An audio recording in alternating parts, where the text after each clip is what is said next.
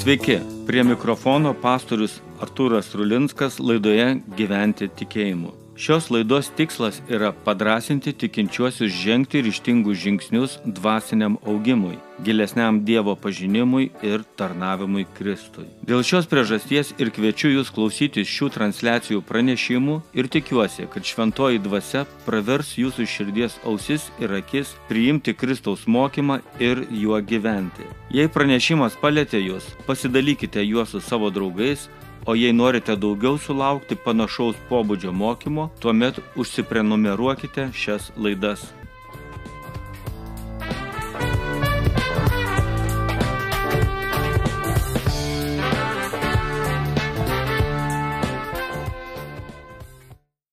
Sveiki, brangus klausytojai. Kiekvienas iš mūsų suprantame, kas yra klusnumas.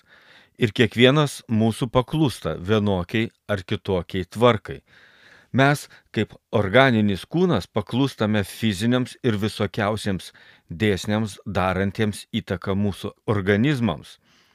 O kaip visuomenės nariai, taip pat paklūstame visuomeniniai tvarkai. Jeigu yra taip, kad ir vienam, ir kitam dalykui kažkaip prieštaraujame, tuomet mes patiriame vargų ir turime bėdos. Ir tą puikiai suprantame. Žinome, kad nėra gerai važiuoti automobiliu prieš eismą arba valgyti maistą, kuris nėra skirtas žmogaus organizmui maitinti, arba kvepuoti oru, kuris yra užkrestas gausybė virusų. Taip pat yra ir dvasiniai gyvenimo principai, kur pasiekmė šių principų nepaklusnumui nėra tokia greita, tačiau ji taip pat yra garantuota dvasiškai aukti, tai ir yra išmokti klausyti ir paklusti tam tikram dėsniui, sistemai, asmeniui, kaip iš mūsų ir yra tikimasi. Jėzaus apaštalus vyriausias kunigas kaltino nepaklusnumu jų įsakymui.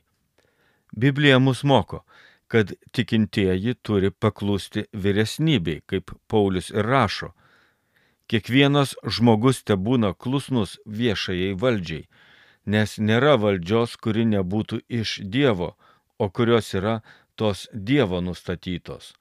Kas priešinasi valdžiai, priešinasi Dievo sutvarkymui, kurie priešinasi užsitraukia teismą. Laiškas romiečiams 13 skyrius 1-2 eilutės.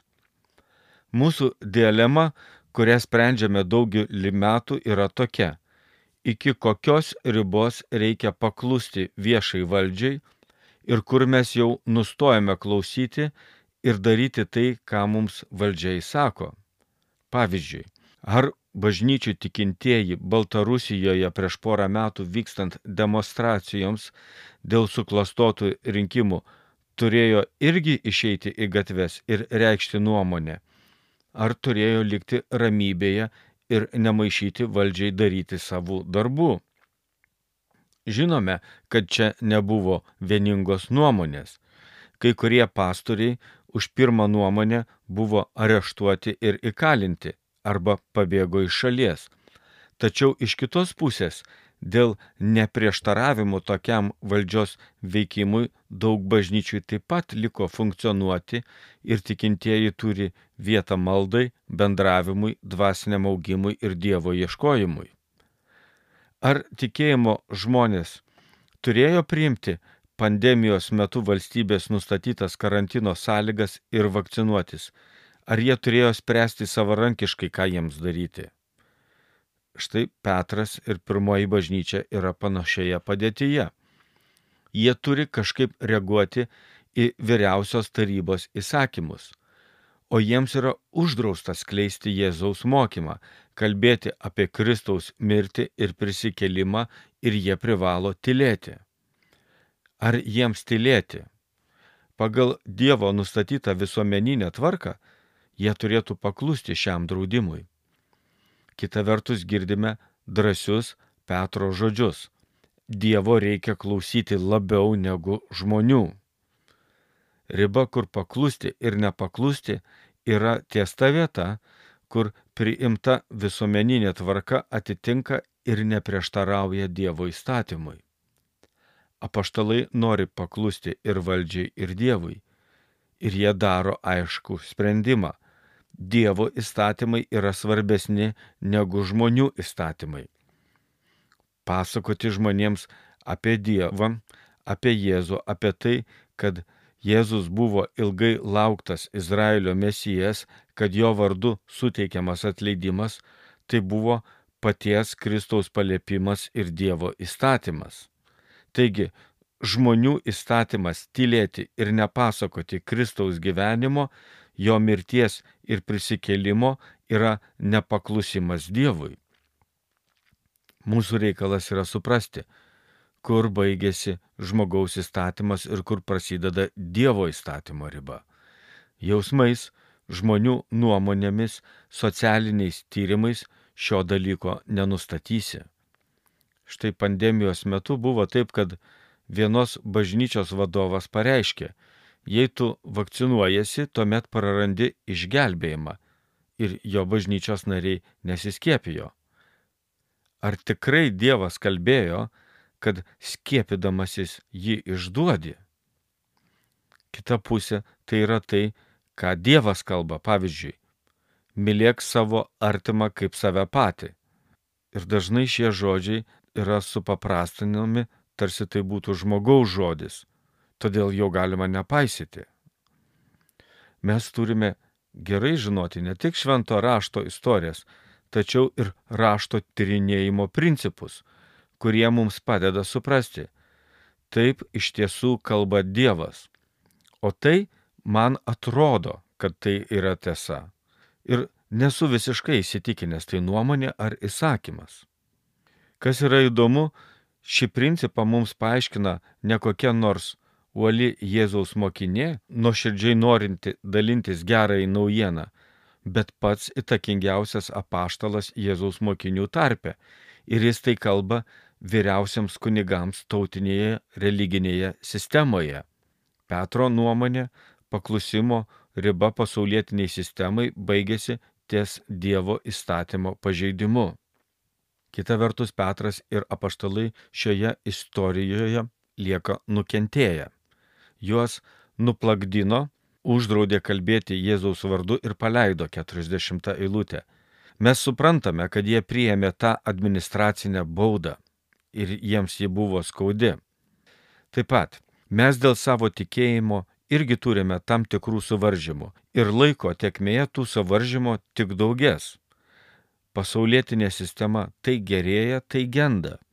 Teismai, kaip žinome, taip pat yra šališki tiems, kas turi daugiau galios, draugų ir pinigų.